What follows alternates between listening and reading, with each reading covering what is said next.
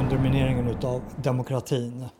Hej och välkommen till Nilssons perspektiv. I det här avsnittet så ska jag prata om undermineringen utav demokratin.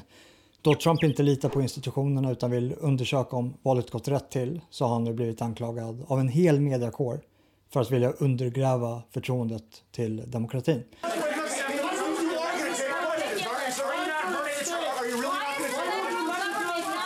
All of you need to answer this. Why is the federal What, what is government- going on? And you're not working with the Trump You're Why- all part why of is not the federal- recognizing democracy. Why is You're the all federal- undermining the democratic election. Every one of you. illegal vote. to Whoa, whoa, whoa. I, I just think we have to be very clear. She's charging, uh, the other side is welcoming fraud and welcoming illegal voting. Unless she has more details to back that up, I can't in good countenance continue showing you this.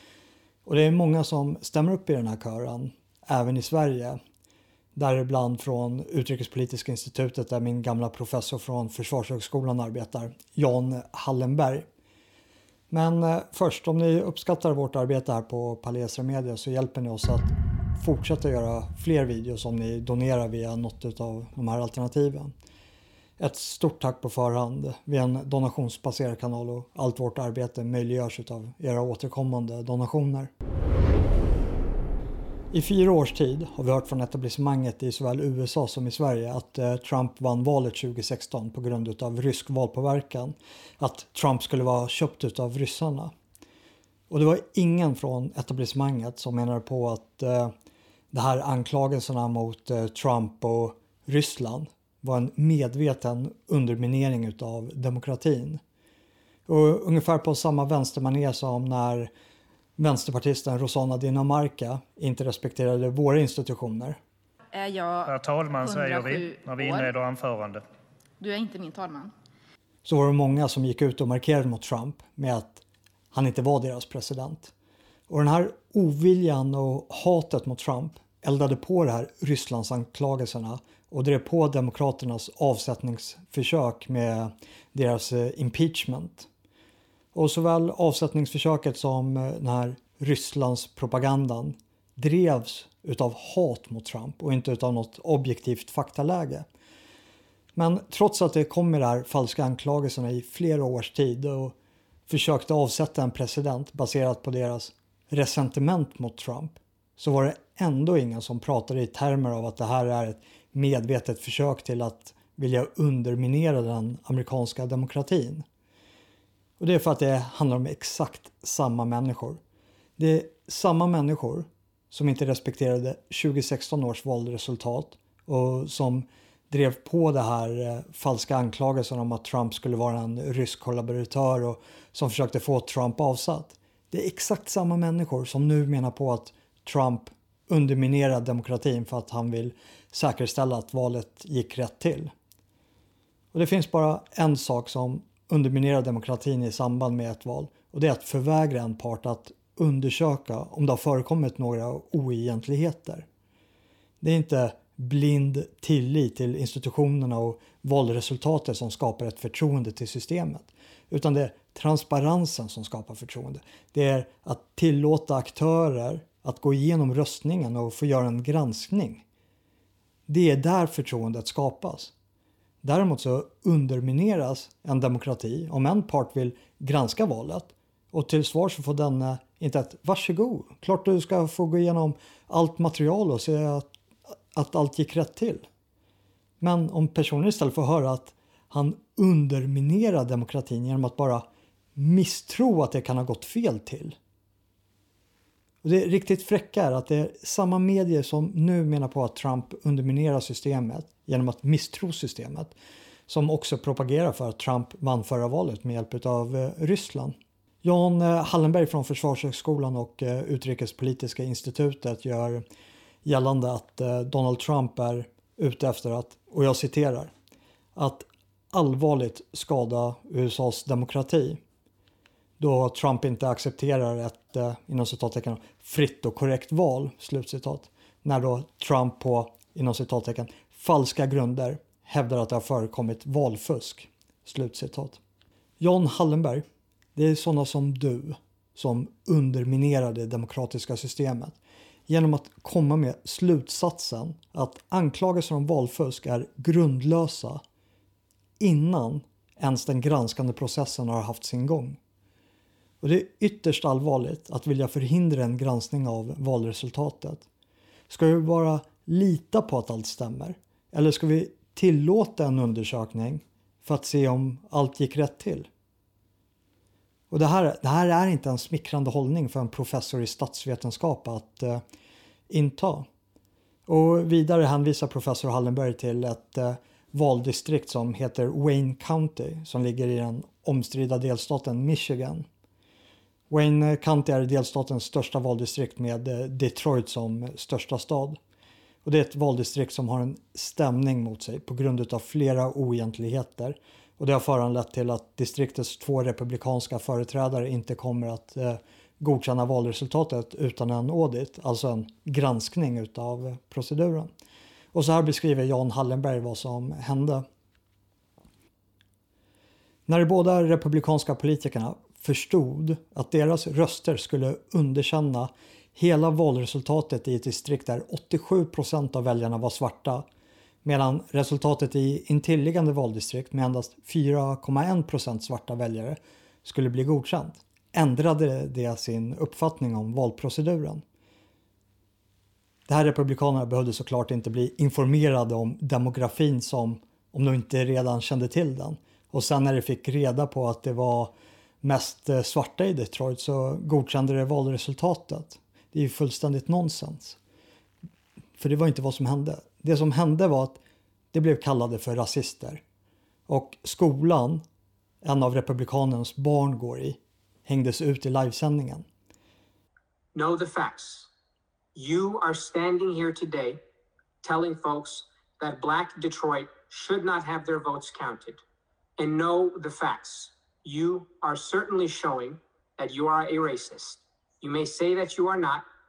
You may claim that you are not. But let's be very clear. Your words today and your actions today made it clear that you are okay with silencing the votes of an 80% African American city.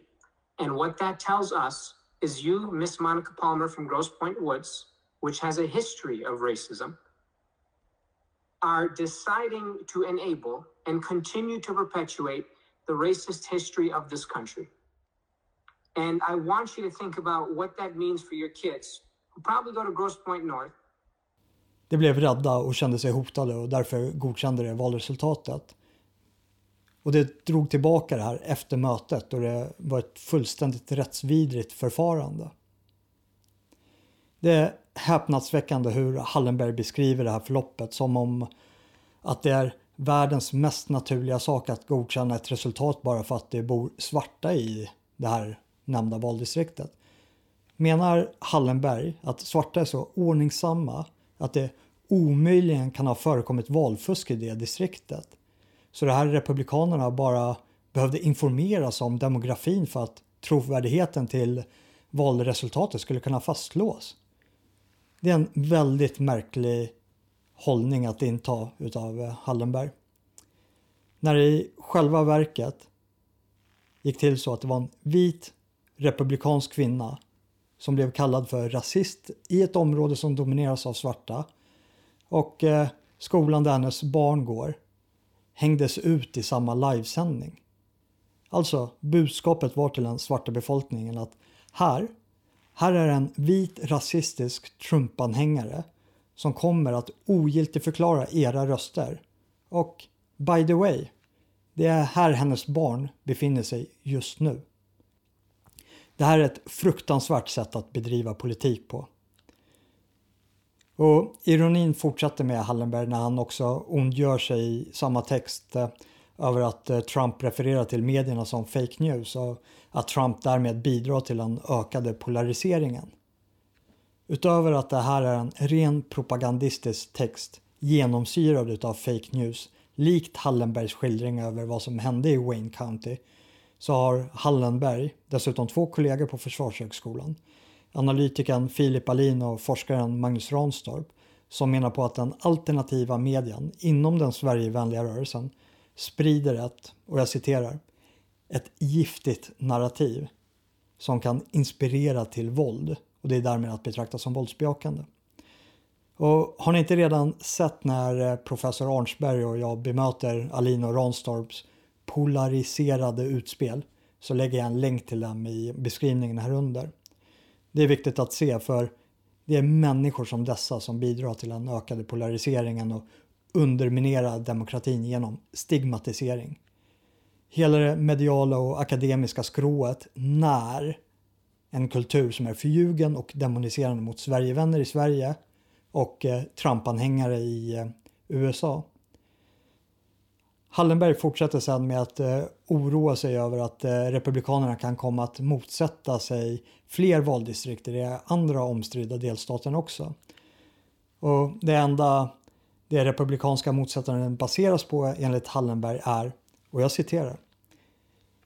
Detta republikanska agerande sker alltså baserat på enstaka uttalanden från missnöjda partiaktivister som ogillar valresultatet eller dem som iakttagit enskilda oegentligheter. Det finns ett namn för sådana som Hallenberg och det är valfuskförnekare.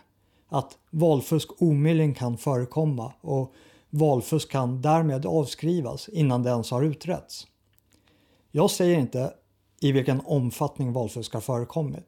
Men det vi vet är att det har förekommit en hel del oegentligheter som måste utredas för att demokratin ska kunna behålla något som helst förtroende. Och det är en process som måste ha sin gång. Och till skillnad från professor Hallenberg så tror eh, en amerikansk professor, professor Dershowitz från Harvard Law School, att Trump har goda chanser att vinna sin stämning i den omstridda delstaten Pennsylvania.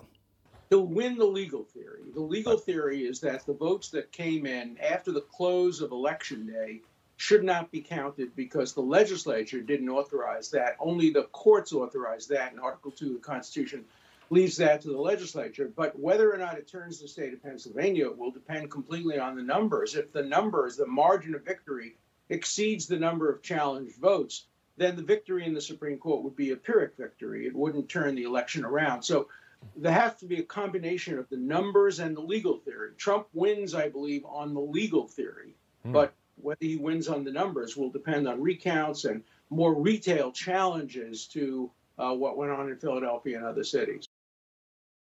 Tack för att ni har lyssnat. Vi har några oerhört spännande veckor framför oss och eh, vi här på Palestra Media kommer att eh, följa utvecklingen noga och avslöja de lögner varhelst vi ser dem.